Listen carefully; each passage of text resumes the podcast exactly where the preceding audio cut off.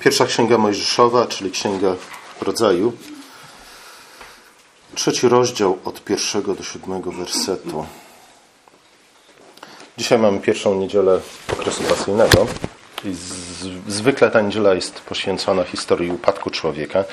Dzisiaj oczywiście też będę o tym mówił, ale żeby tak naprawdę zrozumieć dzieło Chrystusa, dzieło zbawienia, jakie otrzymaliśmy w, Chrystusa, w Chrystusie, żeby zrozumieć sam upadek, czym był upadek, jego, jego rozmiary, y, musimy najpierw zastanowić się, cofnąć się jeszcze y, kilka rozdziałów, niewiele rozdziałów i co prawda jest dwa wcześniej, żeby zrozumieć, czym tak naprawdę był upadek. Innymi słowy, musimy zwrócić uwagę na to, co Pismo Święte do tej pory, czyli w pierwszych dwóch rozdziałach, powiedziało nam na temat człowieka, żeby zrozumieć, czym był upadek człowieka.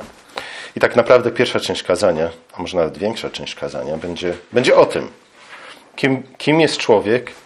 E, oczywiście nie powiem Wam wszystkiego. Nie? To, to nie jest kazanie serii e, w trzech zdaniach wyjaśnię Wam tajemnicę wszechświata, e, ale pokrótce. Nie? Najważniejsze rzeczy na temat tego, kim jest człowiek, e, i dzięki temu lepiej zrozumiemy, czym był upadek człowieka E, dlaczego upadek człowieka jest tak ważnym i tak wielkim i tak tragicznym wydarzeniem. I dzięki temu też lepiej zrozumie później dzieło Chrystusa, co on zrobił, e, przyszedłszy na ziemię. Dopiero kiedy ujrzymy wielkość człowieka stworzonego przez Boga, e, stworzonego na obraz Boga, pojmiemy tragedię upadku i chwałę zbawienia. To napisał Jim Jordan w książce Pradawni Święci. Mam nadzieję, że ją czytaliście. Jeśli nie czytaliście, przeczytajcie koniecznie. E, nawet jeśli czytaliście, przeczytajcie ją jeszcze raz, dlatego że to jest właśnie jedna z tych książek, których lektura pozwoli Wam zrozumieć, nawet jeśli nie wszystko, to bardzo, bardzo, bardzo wiele. E, często niestety Generalnie rzecz biorąc, w chrześcijaństwie e, panują dwa poglądy na temat tego, kim jest człowiek. Nie? Z jednej strony ukazuje się człowieka jako, jako tego, który jest w stanie zrobić bardzo, bardzo wiele. E, ale dużo częściej, zwłaszcza w naszej tradycji, e, po części ze względu na źle zrozumiane tezy reformatorów, króluje pogląd na temat człowieka, który można wyrazić dwoma słowami, nie? że człowiek to jest po prostu nędzny robak. Nędzny robak nic nie jest w stanie zrobić, cokolwiek próbuje zrobić, zawsze mu to wszystko źle wychodzi. Ale nie, nie taki jest obraz człowieka w Piśmie Świętym. I, I, nawet gdy czytamy teksty, które powstały po upadku człowieka, opisujące kondycję człowieka po upadku człowieka, to nie są to teksty, które y, mówią nam tylko i wyłącznie o y, tak zwanej totalnej deprawacji, czyli, czyli całkowitym zepsuciu człowieka przez grzech i przez upadek. Jednym z takich tekstów to jest, jest oczywiście Psalm 8. Pamiętacie go na pamięć. E, nie będę go czytał jeszcze raz, nie będę wszystkiego tam powtarzał, ale to jest jeden z tych tekstów, które e, przypominają nam o tym, kim jest człowiek i kim człowiek może stać się w Chrystusie.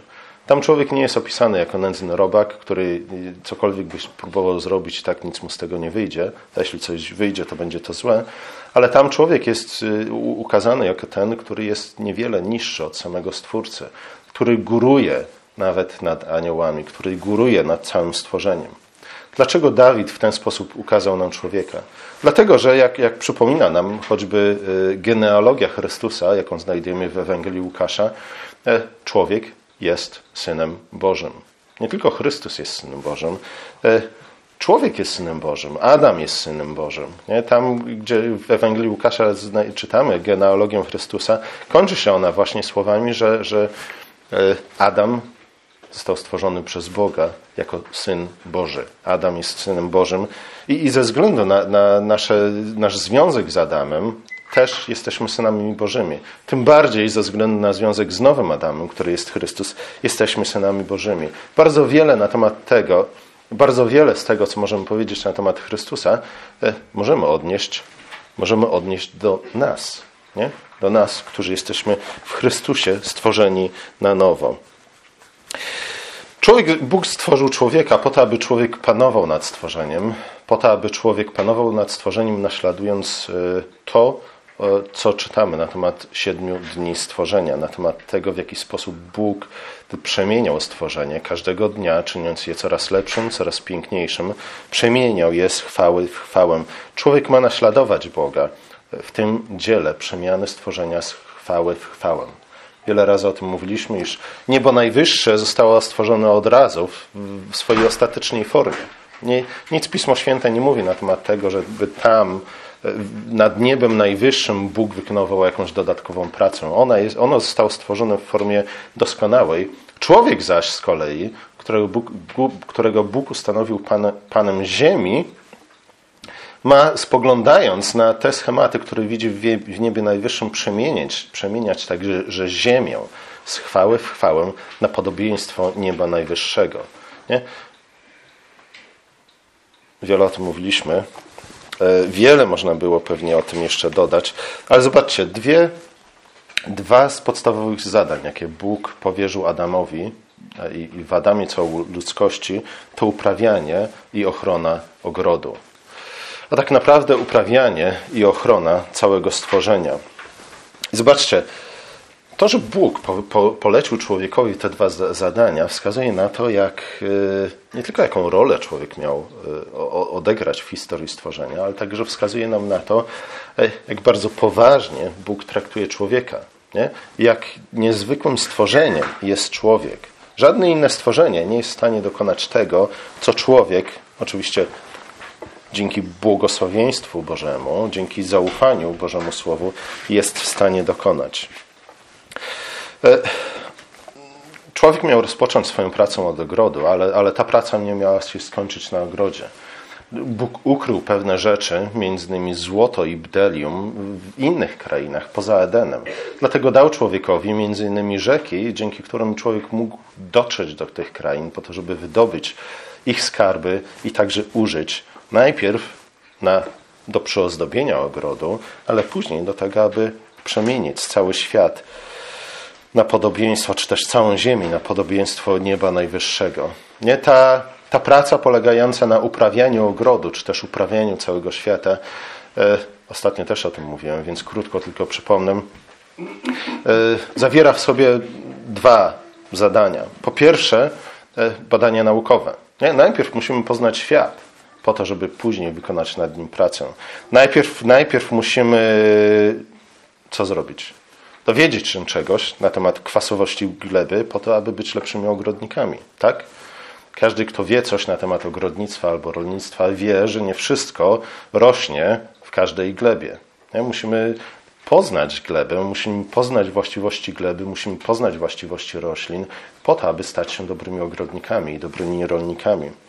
Po to, aby być y, lepszym na przykład architektem albo konstruktorem, też musimy poznać świat.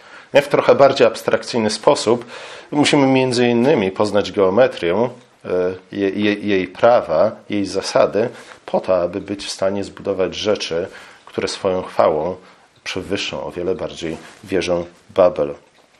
Przede wszystkim człowiek jednak musi poznać samego siebie. Nie? Musi poznać samego siebie po to, aby stać się, stawać się coraz lepszym człowiekiem. Dlatego mamy psychologów i psycholożki ostatnio też, nie? E, dlatego mamy psychiatrów i psychiatruszki, tak to się odmienia. E, nie, dla, dlatego mam pedagogów i pedagogzki, filozofów i filoz, filozof, filozoszki. Nie, dlatego mamy tych wszystkich ludzi, ponieważ y, musimy poznać lepiej samych siebie, chcemy poznać y, lepiej samych siebie, ze względu na to, iż tak naprawdę to jest najważniejsze zadanie, które Bóg nam przed nami postawił. Abyśmy to my, jako ludzie, stawali się coraz lepsi, ponieważ jeśli my, jako ludzie, będziemy stawali się coraz lepsi, e,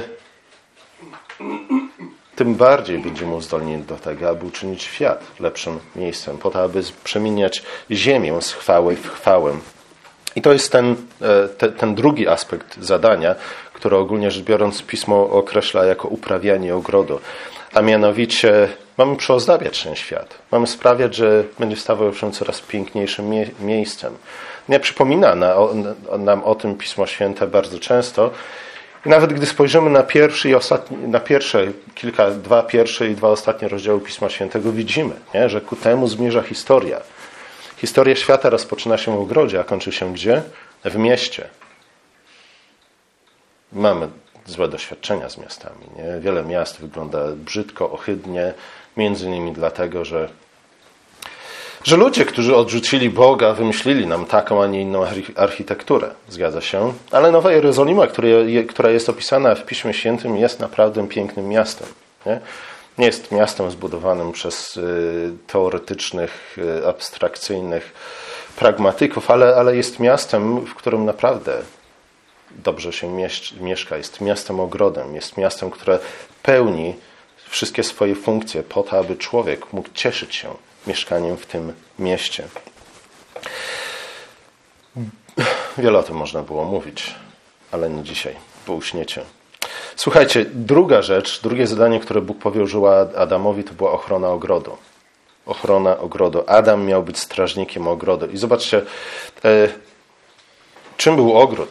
Nie? Musimy pamiętać o tym, czym był ogród. To nie jest tak, że, że Adam miał jakąś y, działkę, y, działkę, jak to się mówi, działkę pracowniczą nie, w ogródkach działkowych i miał tam siedzieć z kijem i z psem i pilnować, żeby nikt nie przyszedł i mu jabłek nie zjadł.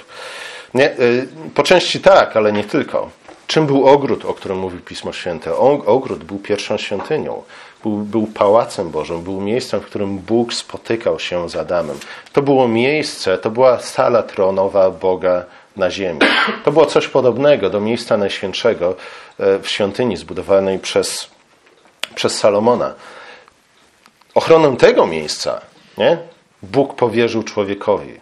Innymi słowy, człowiek od samego początku miał być strażnikiem e, najważniejszego miejsca związanego na ziemi, związanego z tym, że, że było to miejsce, w którym na swoim tronie na ziemi zasiadał Bóg. I zobaczcie, Bóg nie zleca ochrony swojego pałacu, swojej sali tronowej byle komu.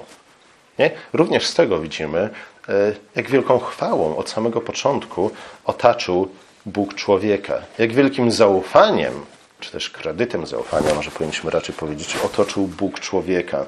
Bóg wręczył Adamowi klucze królestwa, jakbyśmy mogli powiedzieć. Nie? To Adam był odźwiernym, który mógł wpuszczać, e, a też zatrzymywać tych, których uznał za niepożądanych e, gości w Pałacu Bożym. To dopiero później, po upadku, Bóg przekazał te klucze królestwa e, cherubom. Ale później, gdy przyszedł Chrystus, te klucze z powrotem zostały przekazane człowiekowi. Na początku jednak to Adam. Adam był tym, który miał klucze królestwa, bo Adam był tym, który strzegł pałacu i sali tronowej Boga. E, Adam oczywiście miał strzec ogrodu jako takiego. Adam miał strzec swojej żony, która mieszkała w tym ogrodzie i w ziemi Eden. Adam przede wszystkim miał też strzec swojego serca. To wyraźnie jest powiedziane później po upadku do, do, do Kaina. Nie? Mimo upadku Bóg wciąż wzywa ludzi do tego, aby strzegli swojego serca, aby nie dopuszczali grzechu do swojego serca. Te wszystkie obrazy są oczywiście z sobą powiązane. E, w którymś jednak te dwa zadania, które Bóg polecił człowiekowi, e, ochrona ogrodu i oprawianie ogrodu, są najważniejszymi zadaniami, które Bóg może polecić e, swoim stworzeniom i polecił je nie, nie komu innemu, jak właśnie człowiekowi. Polecił je nam. Te dwa zadania wskazują na to, jak bardzo ważny jest człowiek w planach Boga, jak wielką chwałę i zaufaniem Bóg obdarzył człowieka od samego początku. Nie? Gdy myślimy o uprawianiu ogrodu i o ochronie ogrodu, znów powinniśmy myśleć w biblijnych kategoriach. Powinniśmy myśleć o pałacu Stwórcy, powinniśmy myśleć o wielkich zadaniach, które później ludzie się zaangażują po to, aby przemieniać świat z chwały w chwałę. Nie, nie powinniśmy myśleć o, o Adamie, o uprawianiu i, i, i o ochronie ogrodu, tak jakby Adam był jakimś emerytem, który siedzi w stróżówce na, na budowie nocami, e, po to, żeby nikt nie przyszedł i nie ukradł stali zbrojeniowej. Nie, nie na tym to polegało. Adam jako strażnik ogrodu, Adam jako strażnik stworzenia jest raczej dowódcą, kapitanem y, gwardii przybocznej samego Stwórcy, samego Boga. Adam jako Ten, który ma uprawiać ogród, jest tym, który ma przemieniać świat, ziemię z chwały chwałę. Jest to najważniejszy człowiek, który kreśli, czy też najważniejsze stworzenie, najważniejsza osoba po Bogu, która kreśli plany co do tego, jak w przyszłości Ziemia i świat mają wyglądać. Oczywiście wszystko w zgodzie z wolą Bożą, wszystko na chwałę Boga, wszystko dzięki błogosławieństwu Bożemu e, i wszystko z wdzięcznością w stosunku do Boga. Niestety w którymś momencie w ogrodzie pojawia się intrus, pojawia się wąż. Wiele moglibyśmy mówić na, tego, na, na temat tego węża, ale zwróćmy uwagę na to, że, że wąż jest określony jako najbardziej inteligentne stworzenie, czy też zwierzę, stworzenie oprócz ludzi. Oprócz ludzi wąż był najbardziej inteligentnym stworzeniem. Wąż przyszedł po to, żeby y, przetestować Adama, poddać go próbie. Nie? Dlatego pojawił się w ogrodzie. Po to, aby sprawdzić, czy Adam rzeczywiście dorósł do roli strażnika. Co zrobi Adam? Czy przepędzi węża, czy pogoni węża, czy też raczej pozwoli, aby jego żona wdała się w rozmowę z wężem. I czy w, tej, w tym momencie Adam występuje nie tylko jako e, stróż ogrodu, ale występuje także jako stróż swojej żony. Stróż, niedobre słowo. Strażnik ogrodu i strażnik swojej żony. Niestety w obu tych funkcjach Adam zawiódł. Nie, miał zachować się jako kapłan, miał zachować się jako rycerz, ale zamiast tego pozwala, aby wąż, który jest bardzo sprytny i właśnie dlatego bardzo niebezpieczny, wdaje się w rozmowę z Ewą. Adam stoi obok, patrzy, przysłuchuje się i czeka, co z tego wszystkiego wyniknie. Zamiast zaufać Bogu, raczej e, próbuje ocenić tę sytuację i jej konsekwencje w oparciu o swój własny rozum. Problem z Adamem był taki, iż te wydarzenia miały miejsce bardzo szybko po stworzeniu Adama. Nie? Adamowi wciąż brakowało wiedzy, wciąż brakowało doświadczenia, wciąż jego charakter był zbyt dziecinny po to, aby być w stanie rzeczywiście w sposób powiedzmy autonomiczny ocenić to, z czym ma do czynienia i z czym się, jakie mogą być konsekwencje tego jego zachowania. Jeszcze jedna rzecz na temat Adama, na temat jego pozycji, na temat y, tego, kim Adam był i kim w pierwszym Adamie mieliśmy stać się my wszyscy. Warto pamiętać o tym, iż y, Edem, ziemia Eden wraz z ogrodem znajdowały się na, na wzgórzu. Nie? Na górze, w krainie górzystej, bądź też na wyżynie, skąd to wiemy? Wiemy, że to stąd, że przepływało, przepływała przez nie rzeka, nie? która później rozdzielała się na cztery rzeki. Rzeki zwykle płyną z góry na dół. E, bardzo często Pan Bóg spotyka się z ludźmi na, na górach. Nie? Wiele bardzo ważnych wydarzeń dzieje się na górze. W zeszłą niedzielę mieliśmy y, niedzielę wspominaliśmy przemienienie pańskie, które oczywiście odbyło się na górze. To jest jedno z tych ważnych wydarzeń, e, gdzie Bóg spotyka się z ludźmi na górach. Świątynia była na górze, Możesz wstąpił na górę po to, by przynieść prawo Boże. I oczywiście najważniejsza góra, e, góra, na której stanął krzyż, góra Golgota. Pismo Święte mówi nam bardzo wiele na temat tego, kto może stanąć na świętej górze Bożej. Między innymi psalmy mówią nam o tym. Kto stoi na szczycie stworzenia, ponad sklepie, pod sklepieniem nieba? Kto zajmuje najwyższe miejsce po to, aby ogarnąć wzrokiem cały świat? Nie? Po to, aby dominować, królować, panować nad całym światem. Zwierzę? Nie. Anioł? Też nie. To właśnie człowiek, nie? To właśnie Adama i w Adamie całą ludzkość Bóg umieścił na szczycie góry po to, aby panował, po to, aby górował nad całym stworzeniem. Nie? Bóg traktował Adama jako swojego syna. Mówiliśmy już o tym. Genealogia Chrystusa z Ewangelii Łukasza. Adam miał być gospodarzem całego świata. Dostąpił godności strażnika Bożego tronu.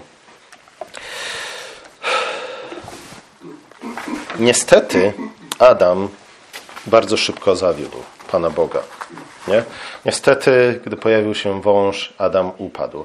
Adam nie postąpił w zgodzie z powołaniem, które, które otrzymał od Boga.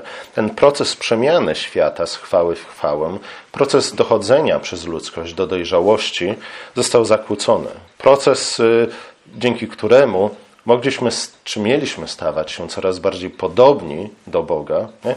Obraz Boga, o, o, którym mówi Pismo Święte, mo, możemy określić jako pewien potencjał, który Bóg włożył w nas, kiedy stworzył nas na, na swój obraz. Podobieństwo jest czymś, yy, co powinniśmy, podobieństwo do Boga jest czymś, yy, w czym powinniśmy wzrastać. Nie?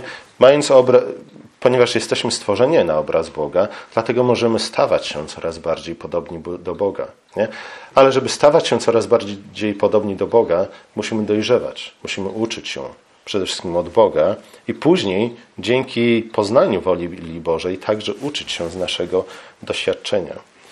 Niestety ten cały proces dojrzewania, czy też prowadzenia całej ziemi ku dojrzałości, przemienia, przemiany ziemi na podobieństwa nieba najwyższego, a także dochodzenia Adama i, i, i całej ludzkości do pełnego podobieństwa do Boga, został zakłócony. Adam zgrzeszył, kiedy co? Adam zgrzeszył, kiedy zignorował węża. Adam zgrzeszył, kiedy przestał być strażnikiem ogrodu i swojej żony. Adam zgrzeszył wtedy, kiedy odmówił złożenia Bogu dziękczynienia. Adam zgrzeszył wtedy, kiedy przestał ufać Bogu Jego Słowu i postępować w zgodzie z nimi. Jest pewien schemat, o którym pewnie też warto by wspomnieć. Zaraz, nie. Krótko o tym. Mówiliśmy o tym schemacie bardzo często, nie? E, mam nadzieję, że go jeszcze pamiętacie. E, schemat, według którego Bóg stworzył świat, schemat, według którego człowiek ma przemieniać świat. E, schemat, który widzimy każdej niedzieli, kiedy obchodzimy, sprawujemy wieczerzę pańską. Nie? Bóg bierze tą pierwotną materię w swoje ręce, później co z tym robi? Później rozdziela ją, rozrywa ją, rozkłada ją na, na elementy pierwsze, później składa ją na nowo, nadaje temu no, no, nowe imię, a następnie poddaje ocenie. Podaje ocenie i oczywiście to, co Bóg czyni, jest dobre. Dlatego na końcu każdego dnia Bóg, patrząc na pracę, jaką wy, wykonał nad stworzeniem, yy, mówił, to wszystko jest dobre. Szóstego dnia stwierdził, że to wszystko jest bardzo dobre. I później siódmego dnia Bóg odpoczął w owocach swojej pracy. Człowiek miał przemieniać świat w podobny sposób. Nie? W ten, o, o tym przypomina nam wieczerze pańskie. Bierzemy chleb, bierzemy wino, bierzemy chleb i co robimy? Najpierw dziękujemy jeszcze, nie? E, gdyby to był Pan Bóg, wziąłby chleb, złamałby ten chleb, Spójrzmy na, na, to, w jaki sposób Chrystus to uczynił. Wziął chleb, pobłogosławił, czyli podziękował Bogu za ten chleb. Oczywiście, kiedy Bóg przemieniał świat e, z chwały chwałę, nie musiał sam sobie dziękować, nie? bo to jest Jego świat, Jego stworzenie. Kiedy człowiek bierze się za przemianę świata z chwały w chwałę, musimy pamiętać o tym, w jaki sposób Chrystus to uczynił, w jaki sposób Chrystus obchodził wraz z uczniami ostatnią wieczerzę. Wziął chleb, pobłogosławił, czyli podziękował. Następnie złamał i co zrobił? I nagle chleb zamienił się w ciało. Nie będziemy dzisiaj wnikać w to, co to znaczy, że chleb zamienia się w ciało, ale wyraźnie Chrystus nazywa ten chleb swoim ciałem. Złamany chleb staje się czymś innym. Chrystus nadaje mu no, nowe imię, a następnie co robi? Rozdaje je. Rozdaje go uczniom, E, po to, aby skosztowali, iż dobry jest Bóg. I następnie, następnym krokiem, czy też ostatnim krokiem w tym wszystkim jest to, iż uczniowie mogą znaleźć odpoczynek, czy też odpocznienie właśnie w tym darze, które Chrystus im dał.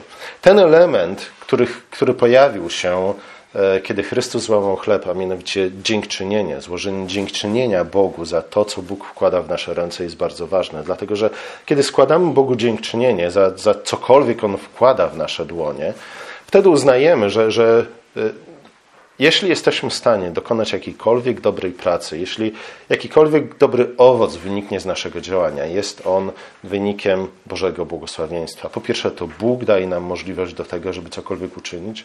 Po drugie, Bóg wyposaża nas we wszystko, także we wszelką mądrość potrzebną nam do tego, aby uczynić coś dobrego, aby owocem, owoc naszej pracy był dobry, a nie zły. Aby owoc naszej pracy mógł nie tylko cieszyć nas, innych ludzi, ale też samego Pana Boga. Bo owoce naszej pracy chwaliły Boga. Adam tego nie uczynił.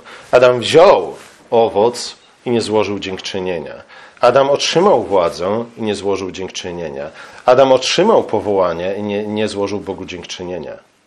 Nie? I właśnie ten brak dziękczynienia w postępowaniu Adama jest e, wyrazem jego buntu. To w tym momencie, kiedy Adam odmówił złożyć dziękczynienie, e,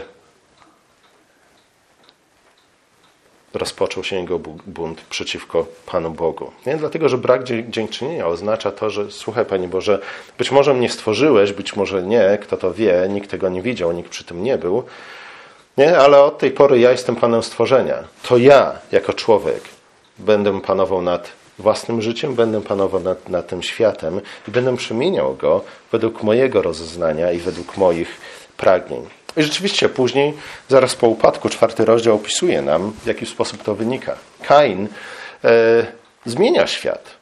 Kain jest tym, który jako pierwszy zbudował miasto. W pewnym sensie Kain robi to, e, czego Pan Bóg oczekiwał od Adama. Nie? Czego Pan Bóg oczekuje od ludzkości.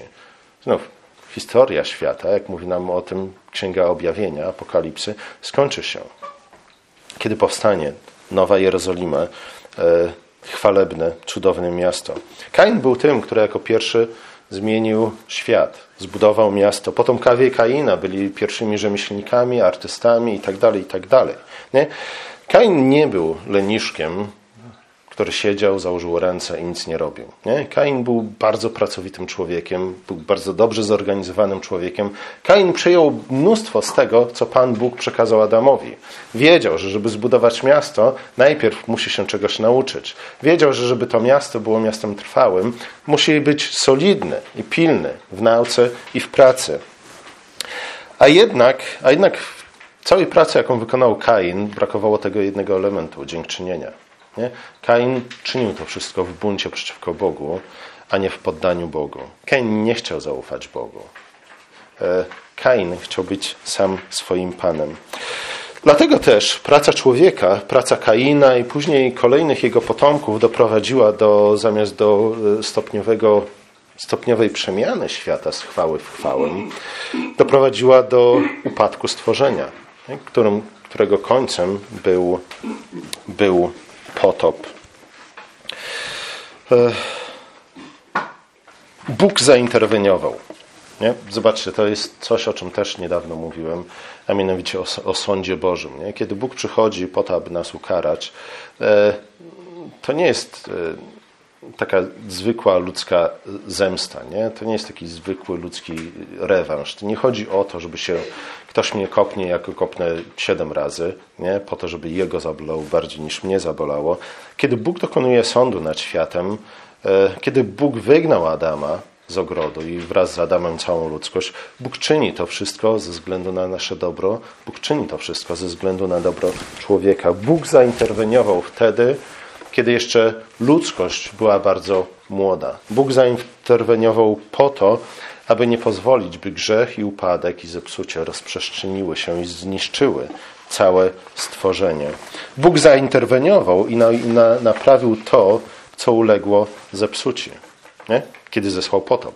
Potop nie był tylko strasznym, okropnym wydarzeniem, gdzie zginęło mnóstwo ludzi, ale potop był sam w sobie oczywiście wyrazem Bożego Sądu, ale był też wyrazem sądu i sprawiedliwości, ale był też wyrazem Bożej miłości i troski o stworzenie i o ludzkość. Oczywiście e, tym najważniejszym wydarzeniem w naprawieniu tego, co zepsuł Adam, jego potomkowie w buncie przeciwko Bogu, w niewdzięczności wobec Boga, była, była śmierć Chrystusa. Nie? To Chrystus wziął na siebie ten sąd, to Chrystus poniósł na krzyż cały nasz bunt, całą naszą niewdzięczność i, i wszystkie nasze grzechy. Chrystus stał się ofiarą zastępczą za nasze grzechy, a Jego zmartwychwstanie było inauguracją odnowionego Królestwa Bożego. Nie? Dlatego ten wątek kluczy do królestwa pojawia się wraz z przyjściem Chrystusa. To znów Piotrowi, nie, w osobie Piotra apostołom, a w osobach apostołów Kościołowi, nowej ludzkości, ciele Chrystusa, Chrystus przekazuje klucze do odnowionego Królestwa Bożego. My znów w Chrystusie możemy stać się kim? Strażnikami i tymi, którzy uprawiają Boże stworzenie, przemieniają ziemię z chwały w chwałę. Dlatego też w centrum Królestwa Chrystus umieścił właśnie ten rytuał, nie? E, wieczerzę pańską, komunię, Eucharystię, po to, aby przypominała nam, że nie tylko naszym powołaniem jest wykonywanie pracy, nie tylko naszym powołaniem jest przemiana świata, e, ale w tym wszystkim musimy wyrażać nasze zaufanie i wdzięczność Bogu, nie? bo to dzięki Niemu jesteśmy synami Bożymi, dzięki Niemu panujemy nad światem, dzięki Niemu możemy sprawić, że ten świat, oczywiście nie natychmiast, nie w jednej chwili, a jednak może stawać się coraz lepszym miejscem, przemieniać się z chwały w chwałę. A zatem Adam był pierwszym dzieckiem. Nie? Adam był bardzo młody. Adam prawdopodobnie wyglądał może nie jak dziecko, wyglądał jak dorosły mężczyzna, ale jednak ze względu na, na to, że, że y, został dopiero co stworzony, ze względu na brak doświadczenia, ze względu na brak wiedzy, był wciąż jak dziecko. W ogrodzie Pan Bóg opiekował się Adamem, w ogrodzie Pan Bóg karmił Adama, w ogrodzie Pan Bóg posadził drzewa, z których Adam musiał tylko sięgnąć po ich owoc, po to, aby zjeść i zaspokoić swoje podstawowe potrzeby. Adam był jak dziecko. Zobaczcie, właśnie dlatego, że był, był dzieckiem, przede wszystkim potrzebował wiary. Wiary, która w Piśmie Świętym jest niczym innym jak ufnością, jak, jak zawierzeniem Bogu, jak poddaniem się Jego władzy. E, wiary, która wyraża się we wdzięczności. Nie? Że to jest ta, coś, co, co uczymy, nie? a przynajmniej powinniśmy uczy, uczyć nasze, nasze dzieci. Z jednej strony okazujemy im miłość, zaopatrujemy je we wszystko, czego potrzebują, e, czego w zamian oczekujemy. Nie oczekujemy wdzięczności. Nie? Dziecko, które cokolwiek dostaje, nawet jeśli dostaje to każdego dnia albo trzy razy dziennie, jak w przypadku posiłków, nie za każdym razem powinno okazać wdzięczność. Nie? Być może ta wdzięczność jest udawana, być może nie, być może to jest tylko pusty rytuał, słowa, które nic nie znaczą, nie? Ale, ale nawet ten, ten rytuał przypomina nam o tym, że, że właściwą odpowiedzią na okazaną miłość jest wiara, jest ufność, która zawsze wyraża się we wdzięczności. Dziecko musi wiedzieć, że, że skoro dopiero co pojawiło się na świecie, to jeszcze zbyt wiele o nim nie wie i dlatego potrzebuje nauczyciela. Nie? Dzieci potrzebują nauczyciela. Adam potrzebował nauczyciela. Adam jednak bardzo szybko przestał okazywać wdzięczność Bogu i bardzo szybko sam zechciał występować w roli nauczy nauczyciela. Adam uzurpował sobie prawo do rozsądzania między Bogiem a wężem. E, I w ten sposób postawił się siebie ponad Bogiem. Nie? Adam, kiedy usłyszał słowa węża, powinien natychmiast zareagować e, w zgodzie z tym, co Pan Bóg wcześniej powiedział mu na temat drzewa poznania dobra i zła. Adam jednak e, stwierdził, że on lepiej wie, albo stwierdził przynajmniej, że, że słowa Pana Boga nie do końca były wiarygodne, więc on sam w oparciu o swoje doświadczenia, którego oczywiście nie miał, w oparciu o swoją obserwację, której nie był w stanie zinterpretować w właściwy sposób, w oderwaniu od Bożego Słowa, on lepiej stwierdzi i znajdzie się bliżej prawdy, jeśli sam dokona oceny tej sytuacji. Adam chciał być nauczycielem, podczas gdy wciąż musiał być uczniem. E, myśląc, że jest dojrzały i mądry, Adam oczywiście zachował się jako głupiec i stał się podobny do zwierząt, a więc kimś mniejszym, kimś gorszym, kimś mniejszym niż dziecko.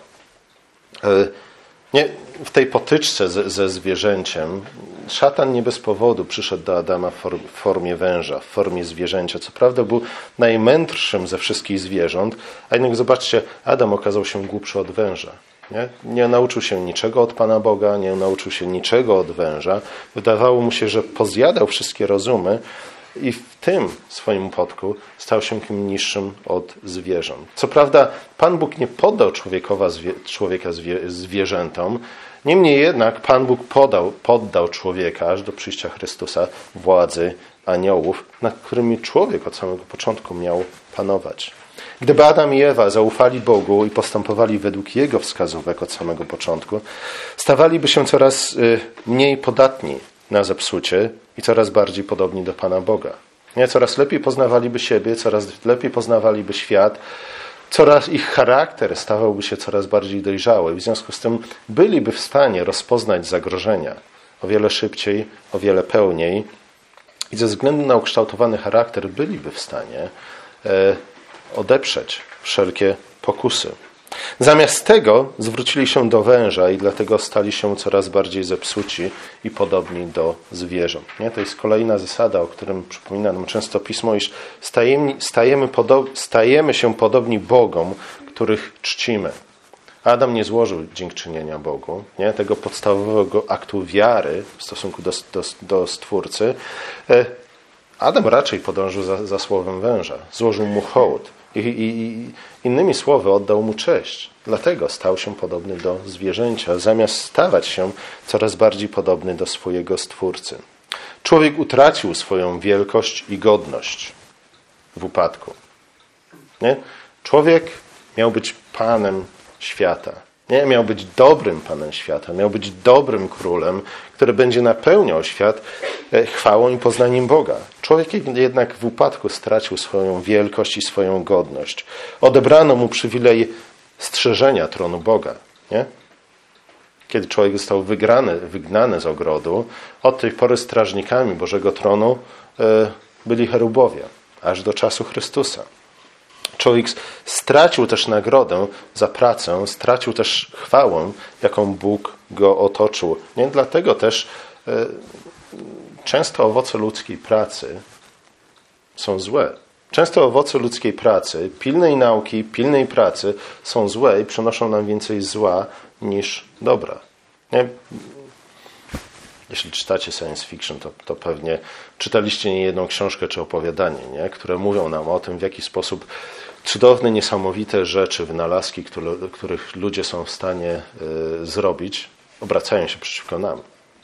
Nie? Bardzo wiele z tego, co człowiek uczynił, zrobił, bardzo wiele owoców naszej pracy obraca się przeciwko nam. Właśnie ze, ze, ze względu na to, iż odwróciliśmy się od Boga. Między innymi ze względu na to, że nie okazujemy Bogu zaufania, nie okazujemy Mu wdzięczności, nie dojrzewamy, nasz charakter nie staje się coraz bardziej podobny do Boga, dlatego też nie jesteśmy w stanie zapanować nad dziełami naszych rąk i one zwracają się przeciwko nam.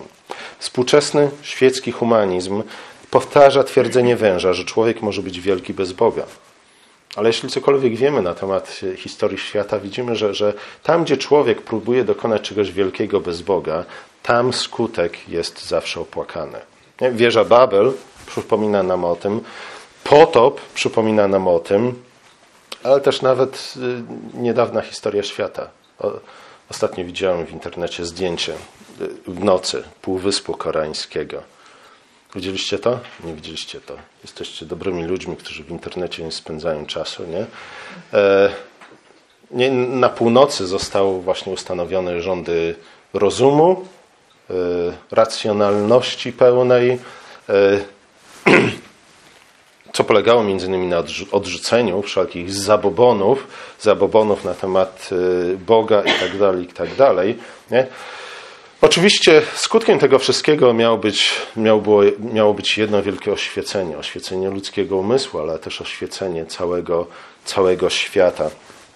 Ale gdy teraz spojrzymy nocą na Półwysep Koreański, to w północnej części jest tylko jedno światełko, zapewne stolica, a tak ciemność. Z kolei na południu Półwyspu Koreańskiego jest jasno, prawie jak w dzień. Myślę, że to jest bardzo dobry obraz tego, do czego prowadzi nas odrzucenie Pana Boga. Nie, żeby Koreańczycy na południu byli doskonali, jak Chrystus jest doskonały. Niemniej jednak pewne różnice nie, w, w, w społeczeństwach i w owocach życia i pracy społeczeństw, które jednoznacznie, definitywnie odwracają się przeciwko Bogu i są w sposób bardzo, bardzo ostry, w bardzo ostry sposób walczą przeciwko Bogu, a społeczeństwami, które jednak w znacznej swojej części starają się podążać za Bożym Słowem, ta różnica staje się czasami bardzo szybko widoczna. nie? w historii. Wystarczy jedno, dwa, trzy pokolenia i, i różnica jest widoczna gołym okiem. Humanizm biblijny, nie? bo jest coś też takiego, stwierdza coś przeciwnego. Człowiek staje się wielki, jego życie nabiera heroicznego, epickiego wymiaru wtedy, gdy naśladuje Boga i żyje wiarą. Nie? Wiarą, która jest przede wszystkim nie wiedzą na temat Boga, ale zaufaniem Bogu, które wyraża się w naszej wdzięczności i posłuszeństwie. Toż przez wiarę wzrastamy my sami z chwały w chwałę, poznając siebie coraz lepiej, po to, aby stawać się coraz lepszymi ludźmi. Stawać się, co innymi słowy, coraz bardziej podobni do Boga, na którego obraz zostaliśmy stworzeni. Czym jest ta wiara? Ta wiara jest właśnie zaufaniem Bogu. Zaufaniem Bogu, które towarzyszy naszym działaniom, a które wyraża się między innymi we wdzięczności, jaki wyrażamy Bogu. Albo ufamy Bogu i stajemy się coraz bardziej podobni do Niego, albo ufamy komuś innemu, nie? wężowi na przykład, i stajemy się coraz bardziej podobni do Niego. Wszyscy żyjemy wiarą. Nie? Wierzący, niewierzący, ateiści, chrześcijanie, muzułmanie itd., tak itd. Tak Wszyscy żyjemy wiarą. Nie? Żyjemy wiarą w słowa tego albo innego człowieka, osoby, zwierzęcia, Boga itd. Tak Adam wierzył własnemu osądowi, a Adam był bardziej skłonny do tego, aby wierzyć słowom węża niż Bogu. Konsekwencje były tragiczne. Z tymi konsekwencjami musimy żyć do tej pory. E, o czym przypomniał nam dzisiejszy tekst z listu do Rzymian.